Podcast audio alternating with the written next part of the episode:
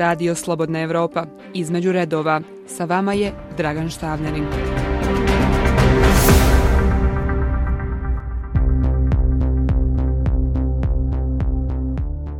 Predsjednik Hrvatske Zoran Milanović je kao rijetko ko u novijoj hrvatskoj historiji uzburkao domaću javnost žestokim napadima na svoje kritičare, nazivajući ih drukerima, amazonkama, zaštitnicima jazavaca, predvodnicima kabale. Pritom je uglavnom riječ o licima iz ljevičarsko-liberalnog miljeja, zahvaljujući kojima je pobjedio na izborima. Pojedini desničarski portali pozdravljaju njegove izjave nazivajući ga naš novi Orban, te navode da se obračunava sa ljevicom argumentima desnice. U narednim minutama šta je pozadina ovakvih Milanovićevih izjava. Idem linijom jačeg otpora, glavom kroz vrata, ne kroz zid – jedna je od izjava predsjednika Hrvatske Zorana Milanovića u šarolikom repertuaru kojim je odavno izgradio veoma originalan stil političara koji se veoma direktno, ponekad cinično, protivnici bi rekli i bez takta, obraća naročito neistomišljenicima. Međutim, iako takav nastup uglavnom ne nailazi na odobravanje, Čak mu ni protivnici ne spore lucidnost, a mnogi smatraju da je to odraz ne samo njegovog karaktera, već i da sračuna to tako nastupa kako bi pridobio birače. Ipak, mnoge je zatekao žestoki rečni kojim se obrušio na kritičare koji su postavili pitanje njegovog odlaska, i to u vreme karantina zbog pandemije, u klub čiji je vlasnik optuženi za korupciju direktor državnog preduzeća Janaf Dragan Kovačević. Kad sam rekao narikača, a ne alapača, i kad sam rekao samodopadna, nema muškaraca koji se bave naricanjem, ali postoje guslari. Kada nekom kažem da je samodopadan i da je u stvari neiskren, jer narikače su neiskrena, onda sam mislio baš na to. Milanović je istovremeno pojedine intelektualce nazvao drukerima, javnu pravobraniteljicu zaštitnicom jazavaca, jednu saborsku zastupnicu predvodnicom kabale.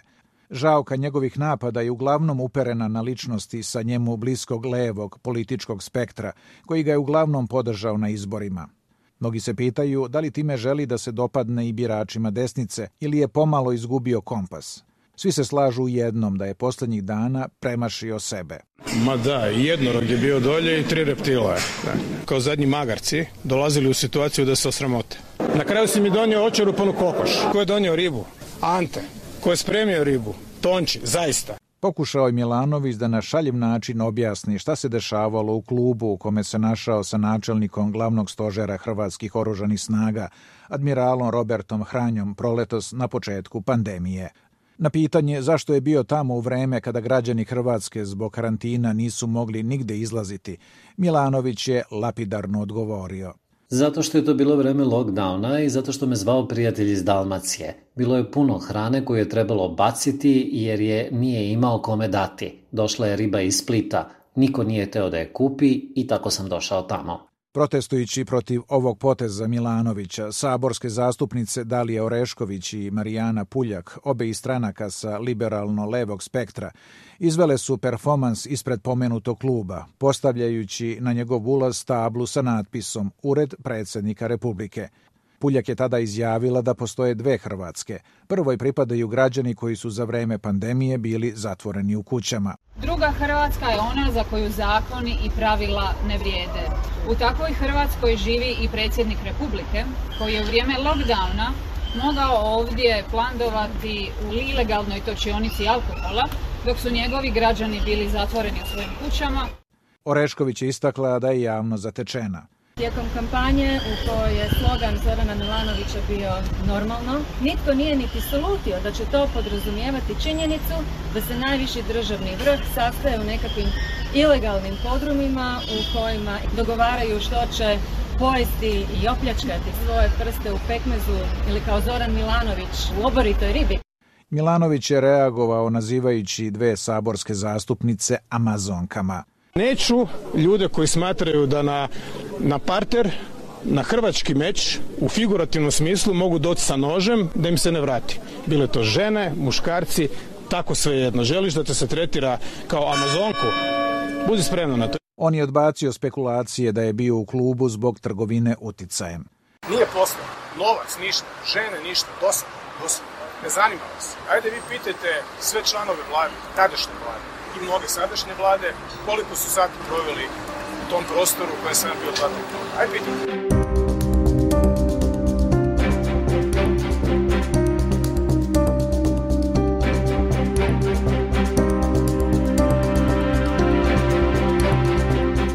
Klupko je počelo da se odmotava kada je 17. septembra policija privela direktora Jadranskog naftovoda Janaf Dragana Kovačevića u sklopu antikorupcijske istrage zbog malverzacije u tom javnom preduzeću, kojom je obuhvaćeno još 13 osoba, među njima i dva saborska zastupnika. Međutim, čitav slučaj počinje još u novembru prošle godine kada je privatni preduzetnik Rešo Petek, kako navodi tužilaštvo, doneo Kovačeviću u pomenuti klub 1,9 miliona kuna ili 250 hiljada evra na ime mita za dobijanje posla vrednog više od 5 miliona evra. U to vreme je u klubu bio i Jakov Kitarević, suprug tadašnje predsjednice Hrvatske Kolinde, koji je kasnije izjavio da nije video ništa sumnjivo. Nadležne državne službe su snimile navodnu primopredaju mita. Međutim, uprkos tome Kovačeviću, koji je inače 2007. bio jedan od protiv kandidata Milanoviću na izborima za lidera socijaldemokratske partije, u februaru ove godine produžen je mandat kao direktora Janafa na još četiri godine, na čijem čelu se inače nalazio 2012. Mnogi se pitaju zašto je prošlo skoro godinu dana od snimanja nezakonitog dela do reakcije nadležnih službi. U svakom slučaju, to je bio kidač za žestoku reakciju Milanovića. To je takav skandal. Imaš ga na dlanu 2 milijuna kuna, pratio si tog čovjeka i onda si gledao gdje i kamo ide i znao si šta se događa i nisi ga uhitio. To je korpus delikti. Premijer je čuvar državnih tajni. Dakle, nema informiranije osobe u državi od premijera. Međutim, premijer Andrej Plenković kaže da izvršna vlast ne sme da se meša u rad pravosuđa. Uopće ne želim znati čime se bavi USKOK, čime se bavi policija. I to je borba protiv korupcije. U međuvremenu pažnju javnosti je svakako više privukla sledeća Milanovićeva rečenica. Dakle, ako nisi ulovio lava kojeg si imao na puškometu, a to je bio direktor Janafa, na kraju si mi donio očerupanu kokoš. Lava preskočiš jedino ako ideš prema King Kongu. Rekao sam Pablo Escobaru. Ali nema toga, taj ne postoji. Dakle, ovo je bio King Kong. Figura o King Kongu se odnosi na premijera Plenkovića, tačnije da je možda on bio krajnja meta istrage. Plenković mu je odgovorio u istom stilu. Ja iskreno ne znam šta se to, koji je to kamenčić u cipeli koji ga muči, nešto ga očito muči, ja ne znam točno što je. Milanović je kazao da je veoma ljut zbog ove situacije. I ovo sad što govorim da opet ne bi rekao da sam nervozan, on je nervozan, ja sam bjesan. Andrej Plenković. Baš da sam ja nervozan, to ne bih rekao. Što se tiče bjesnoće, ne daj Bože, to je još jedna zarazna bolest, dosta nam je COVID-19, ja, ja se nadam da je on dobro. Milanović tvrdi da se prema njemu čak tako nisu odnosili ni prethodni lideri HDZ-a. Gospodin premijer je bio malo osoban, da traži drugog sugovornika za ovu vrstu komunikacije, lažeš, haluciniraš. To nisam slušao ni od Sanadera, ni od Kosor, ni od Karamarka. Znači ne možeš baš svakog reći ono u facu kad si loše volje, kad ostaneš na lijevu nogu lažeš. Plenković pak smatra da su ovakvi Milanovićevi nastupi posljedica manjka posla na funkciji šefa države. Meni se čini da je predsjedniku dosadno. Dosadno mu je očito u političkom smislu i onda u nedostatku nekakvog ozbiljnijeg aktivizma, posla, odgovornosti kreira neke teme koje smo ovdje absolvirali sad. On dodaje da nema svađe između njega i Milanovića. Više puta smo razgovarali i ne slažemo se. Složili smo se da se ne slažemo.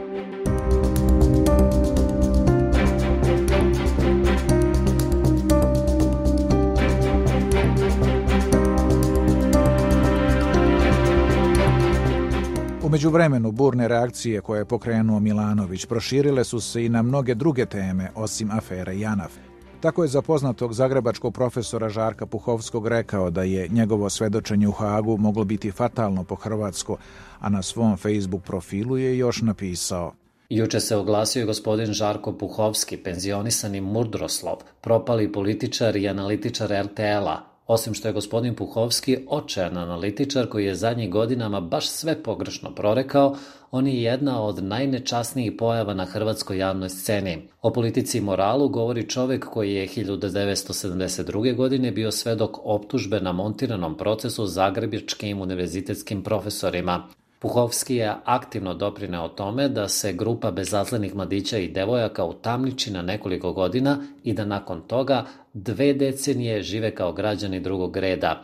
Puhovski se na sudu držao kao pravi druker, ništarija, upravo kako je to od njega i očekivao i dr. Vladimir Bakarić Svileni, s kojim je Puhovski besravno uspoređuje. Žarko Puhovski je za N1 potvrdio da je svedočio 17 sati te 1972. godine, ali ne na štetu optuženih, te da postoji snimak. To je očito pisano u takvom stanju panike da nikakva razumna rasprava nije moguća. Ja ne mogu odgovarati za paniku. Ako nije panika, onda još gore, onda neka vrst paranoidnog poremećaja. To je problem za državu da ima predsjednika u takvom stanju. Na Milanovićevom udaru se našla i nevladina organizacija GONG, koja je sve zvaničnike koji su posjećivali pomenuti klub Dragana Kovačevića prijavila poverenstvu za sprečavanje sukoba interesa. Šta je? To su ljudi čiji bivši predsjednici se udomljuju u SDP-u, pa onda traže posao.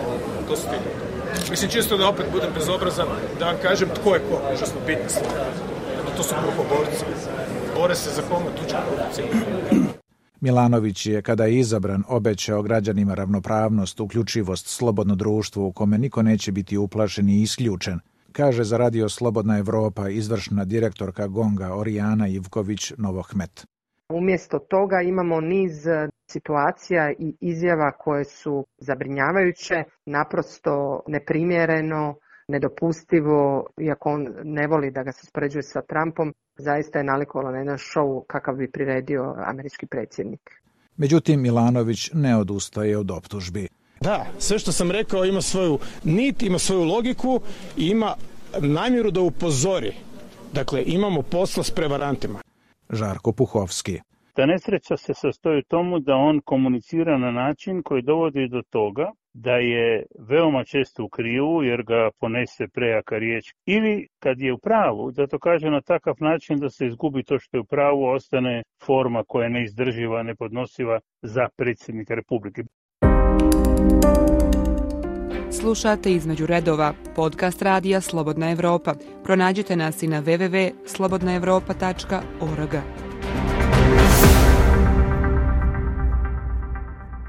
Zoran Milanović je rođen pre 54 godine u Zagrebu i po struci je pravnik. Najpre je radio kao stažist u Trgovačkom sudu da bi 1993. ušao u diplomatiju u vreme terorističkih napada na SAD 11. septembra 2001. Kaže da se našao blizu pogođene zgrade Pentagona. Koji sam dočekao 200 metara od Pentagona kad se avion zabio u njega. To nisam pričao o tome. Bio sam tada u Washingtonu. Mislim službeno kao hrvatski diplomat i tako je bilo. Imali smo sreće u stvari.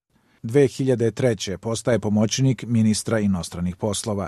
Tadašnji premijer i lider socijaldemokratske partije Ivica Račan je u izjavi za hrvatsku televiziju hvalio Milanovića.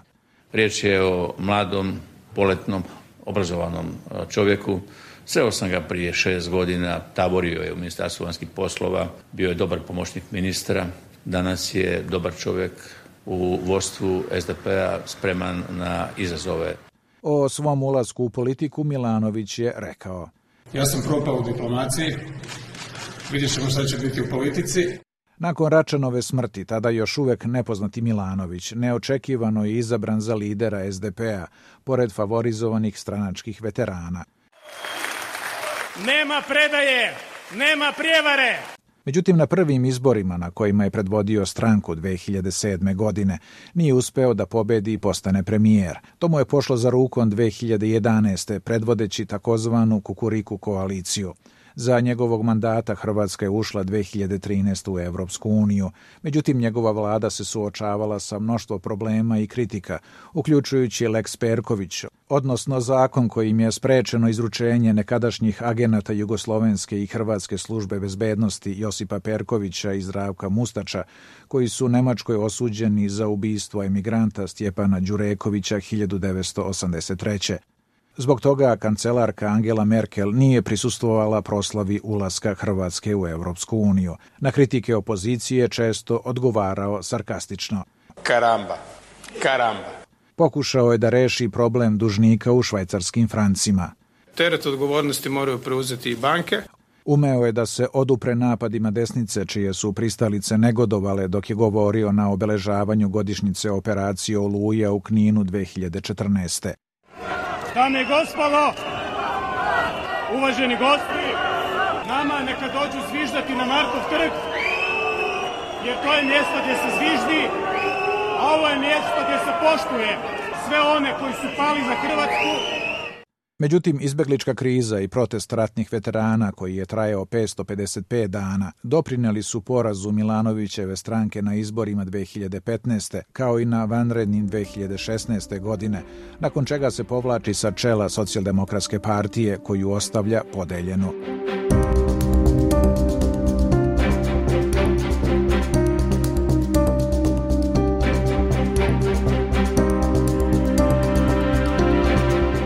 Milanović je potom radio kao konsultant, ali je 2019. objavio kandidaturu za predsjednika Hrvatske. Biću predsjednik koji će vam možda ponekad ići na živse, čiji karakter vam neće odgovarati, ali karaktera će biti. Na iznenađenje mnogih osvojio je najviše glasova u prvom krugu. Svjesan sam da nisam svima po volji, ali ću probati prema svakome pristupiti kao prema čovjeku, kao prema osobi sa jednakim pravima, nakon što je izabran u drugom krugu, organizovana je pomalo neobična inauguracija sa originalnim izvođenjem hrvatske himne, koju je pevala Josipa Lisac.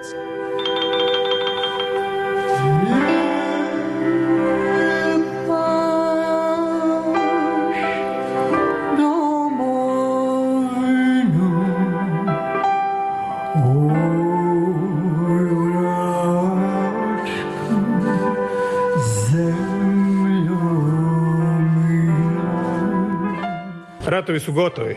Danas je naša obaveza i odgovornost u tome da se ni jedan građanin naše države ne osjeća ustrašenim, diskriminiranim ili bilo na koji način isključenim zbog činjenice da je drugčija ili drugčiji. Rekao je Milanović na inauguraciji. Međutim, delu javnosti, uključujući premijera Plenkovića, nije se svideo ni način na koji je izvedena hrvatska himna, niti kasniji potezi predsjednika Hrvatske. Imao je atipičnu inauguraciju, mi smo je poštovali. Došli smo, bili smo tamo, pokazali poštovanje. Onda smo vidjeli neke njegove poteze koje su malo drugčije. Odlazak iz Okučana dok svira hrvatska himna. Minoriziranje i nesudjelovanje osim ujutro na Mirogoju, bilo koje aktivnosti na dan državnosti. Onda čovjek nije došao na inauguracijsku sjednicu Hrvatskog sabora.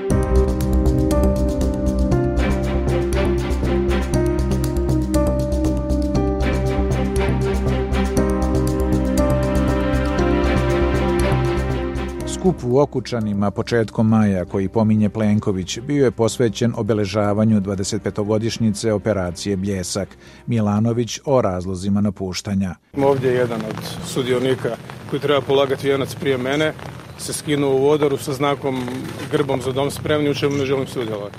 Dakle, to je namjerna provokacija s kojom smo računali i ja to smatram gaženjem žrtava i, i sjećanja na ovaj događaj. Prema tome, ovo se nažalost moralo dogoditi ili netko htio da se to dogodi jedan od branitelja. Ja mu rekao, za te nije sram, predsjedniče. I on mi na to glasno odgovorio mrš. Dakle, evo ima ovdje ljudi koji su to čuli i jednostavno otišao. Evo, to je ponašanje jednog predsjednika prema hrvatskim braniteljima i ja ću ponoviti, Milanović, te nije sram. Predsjednik Sabora Goran Jandroković je kritikovao ovaj potez Milanovića. Ne znam zašto ima potrebu ponovo otvarati te ideološke prijepore. Uspjeli smo stabilizirati situaciju i u Asenovcu smo bili svi zajedno, međutim sada nam se ponovo događaju iste stvari koje su nam se događale ranije. Međutim, Milanović ističe da je pozdrav za dom spremni neprihvatljiv.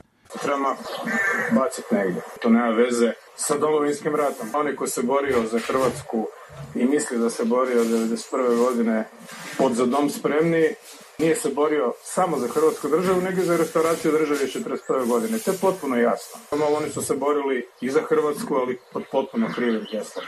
Na godišnjicu operacije Oluja pozdravio je dolazak u Knin potpredsjednika vlade Hrvatske Borislava Miloševića iz redova srpskog naroda. Bilo je zločina, koštali su nas. Hrvatska država je kasnije ispravila tu grešku, ali nažalost jedan teret ostaje. I zato posebno cijenim današnju nazočnost potpredsjednika vlade, doći ovdje i pridružiti se Hrvatima u proslavi jednog datuma, to nije matematička linearna jednadžba, to nije nekakav algoritam. To je arhitektura srca i duboko emocionalno pitanje. I to nije mala stvar. Krajem avgusta odlazi na komemoraciju Grubore gde su ubijeni srpski civili. Ono što izaziva užas je ubojstvo konkretno ovih šestero nedužnih ljudi, starih ljudi. Kakvi su to ljudi? U ime koje pravde proklete, nebeske, kozmičke ili privatne djeluju? Preživelim Srbima poručuje. Teško je reći, ovdje nema danas nikoga, da ljudi ovdje trebaju ostati. Ali jedan veliki srpski pjesnik bi otprilike rekao ovako. Ostajte ovdje, sunce tuđeg neba ne grije tako ko što ovo grije. Grki su tamo, zaloga i hljeba, gdje svoga nema i gdje brata nije. Vječna pamjat ne ponovilo se. I dok je iskazivao poštovanje srpskim žrtvama, Milanović je istovremeno odlikovao penzionisanog generala Hrvatskog vijeća odbrane Zlatana Mija Jelića, optuženog u Bosni i Hercegovini za ratne zločine nad bošnjačkim civilima. Time je još jednom pokazao kontradiktornost i, kako tvrde kritičari, konačno prestao da glumi levičara i postao tuđmanist.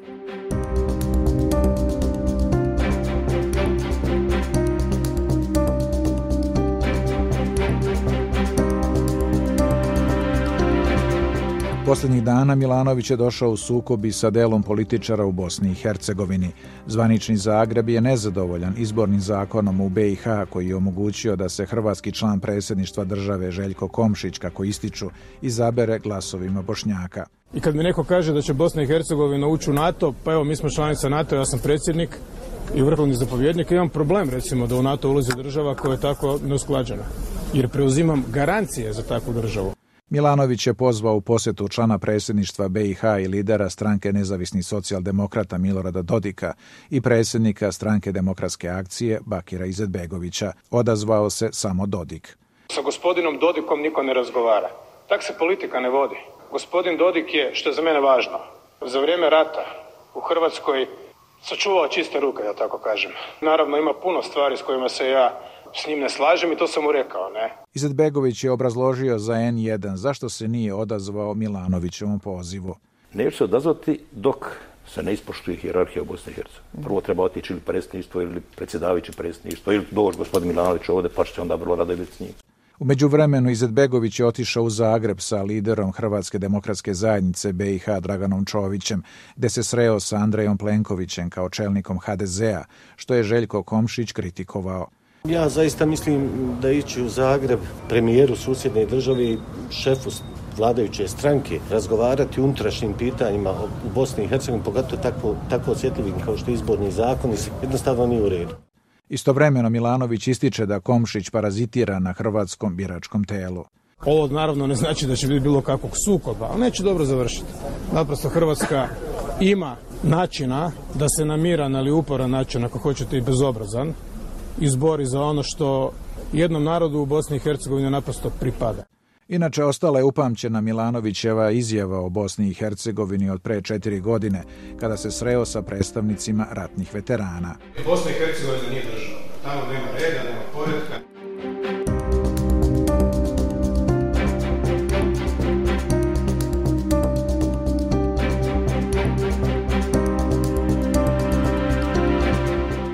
Milanovićevi stavovi su izazivali burne reakcije i u Srbiji. Tako je 2015. kada su izbjeglice na putu preko Srbije pokušavale da uđu u Hrvatsku i nastave ka Evropi, poručio vlastima u Beogradu. Srbiju ne prozivam, ali mogu im poručiti malo ovaj, da snize ton i što bi se reklo u onom vicu šare malo, brate. Šare malo. Dakle, šalji malo to gore i u Mađarsku i Rumunjsku. Naročito je uzburkala strasti ova njegova izjava. Evo, pitajte Austrijance, ne? Njima ne pada na pamet graditi zid prema Mađarskoj, a Mađarska gradi prema barbarima, prema Srbima, ne? Milanović je kasnije izjavio da je pogrešno shvaćen, ali je usledio petodnevni trgovinski rat u kome su vlasti u Zagrebu zatvorile granicu za ulazak robe iz Srbije, na šta je zvanični Beograd reagovao recipročno. U duelu na hrvatskoj televiziji u oči drugog kruga predsjedničkih izbora tomu je spočitala i tadašnja šefica Hrvatske države Kolinda Grabar-Kitarević. Gospodine Milanoviću, vi ste nas uspjeli posvađati sa svim susjedima. Imamo, kao što sam već rekla, žilet žicu na granici sa Slovenijom, s Mađarskom. Posvađali ste se s Vučićem. Milanović je to demantovao. Nikakav trgovinski rat nisam ušao. E, cijena je bila da ljudi ostanu u Hrvatskoj. 658 tisuća ljudi, odjednom. To je bio pritisak na Vučića koji je lagao nas. Baš me briga ako sam ja lagao njega, ali nisam. To je bio pritisak da se zaustavi ta rijeka. Tada je ukazao na nužnost saradnje sa Beogradom. Ali to ne može biti razlog da jednu državu čiji ulazak nam je u interesu kinjimo i prozivamo i prijetimo im. Dakle, prijetnjom se ne postiže ništa. Hrvatska je pobogu jača od Srbije. U istom tonu je govorio o bliskosti dva naroda tokom komemoracije u Gruborima ove godine. Ratovi su gotovi i vrijeme je za normalno u nama. Dosta je bilo onoga što je obilježavalo odnose dvaju naroda kojima je teško u modernoj Europi naći dvije sličnije. Ako zanemarimo Srbe i Crnogorce, Hrvati i Srbi su dvije najsličnije nacije sa najvećim brojem dodira. Međutim, četiri godine ranije na pomenutom sastanku sa braniteljima je prilično negativno govorio o Srbiji. To je šaka jada, nažalost šaka jada koja već 150 godina ne zna bi li išli u Makedoniju, Vojvodinu, Bosnu, Hrvatsku, Bugarsku, nema ih 10 miliona i evo te žele biti gospodari kola Balkana. Pa nema nas dovoljno, to je mali narod. U međuvremenu pojedini beogradski mediji su pisali o navodno Milanovićevom srpskom poreklu, što je on odlučno negirao u poruci 2016. godine. Ljudi i dalje komentarišu kako sam Srbin. Ako ove uvrede nisu bile dovoljne da vas razuvere, recite mi, molim vas, na koji način još treba da uvredim Srbe da bih vama dokazao da nisam jedan od njih i ja ću to rado izreći. Kao da je Zoran samo srpsko ime, a Milanović srpsko prezime, Verujem da bi moji roditelji, da su znali kroz kakav ću pakao prolaziti samo zato što se bavim politikom u Hrvatskoj, odlučili da mi daju neko drugo ime ako već ne mogu prezime poput Domagoj ili Hrvoje. Tada ni ja ne bih morao ovoliko da dokazujem svoju hrvaštinu i stičem vaše poverenje uvredama na račun srpske nacije. Kao sledeći korak dokazivanju svoga nesrpstva planiram ogrebati nečiji automobil sa beogradskim tablicama dok me tajno snimaju bez moga znanja. Sumnjam da će i tada neko pomisliti da sam Srbin samo na osnovu imena i prezimena.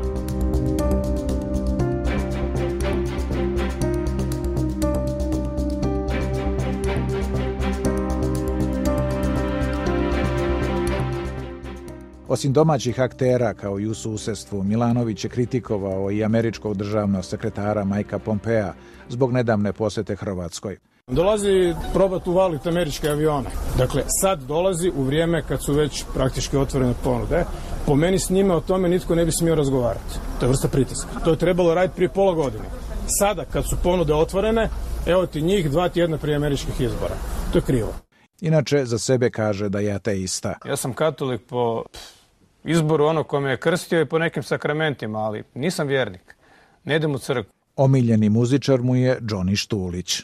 U svakom slučaju obrušavanjem na istaknute ličnosti sa levo liberalnog spektra koji ga je podržao na izborima, Milanović je stekao simpatije dela desnice. Tako ga desničarski portali sada nazivaju naš novi Orban, Zoki kralj, državnik kakvog je Hrvatska čekala, te da se obračunava sa levicom argumentima desnice. U međuvremenu Milanović odbacuje kritike da na pogrešan način komunicira sa javnošću. Što znači da krivo da sam ja dobio izbor, da ljudi znaju s kim imaju posla. Znači 15 godina. Ja se ne izdajem ni za kakvog dobrotvora i šarlatana kao većina mnogi drugi ljudi. Ljudi jako dobro znaju s kim imaju posla, ja biram neće. Milanović je svojevremeno izjavio, kad jednom odem sa vlasti, želeo bih da me ljudi ni po čemu ne pamte. Međutim, ova želja teško da će mu se ostvariti, jer je kao malo ko u novijoj hrvatskoj istoriji uzburkao javnost, koja će ovo vreme pamtiti osim po virusu korona i, kako navode satiričari, po virusu zorona.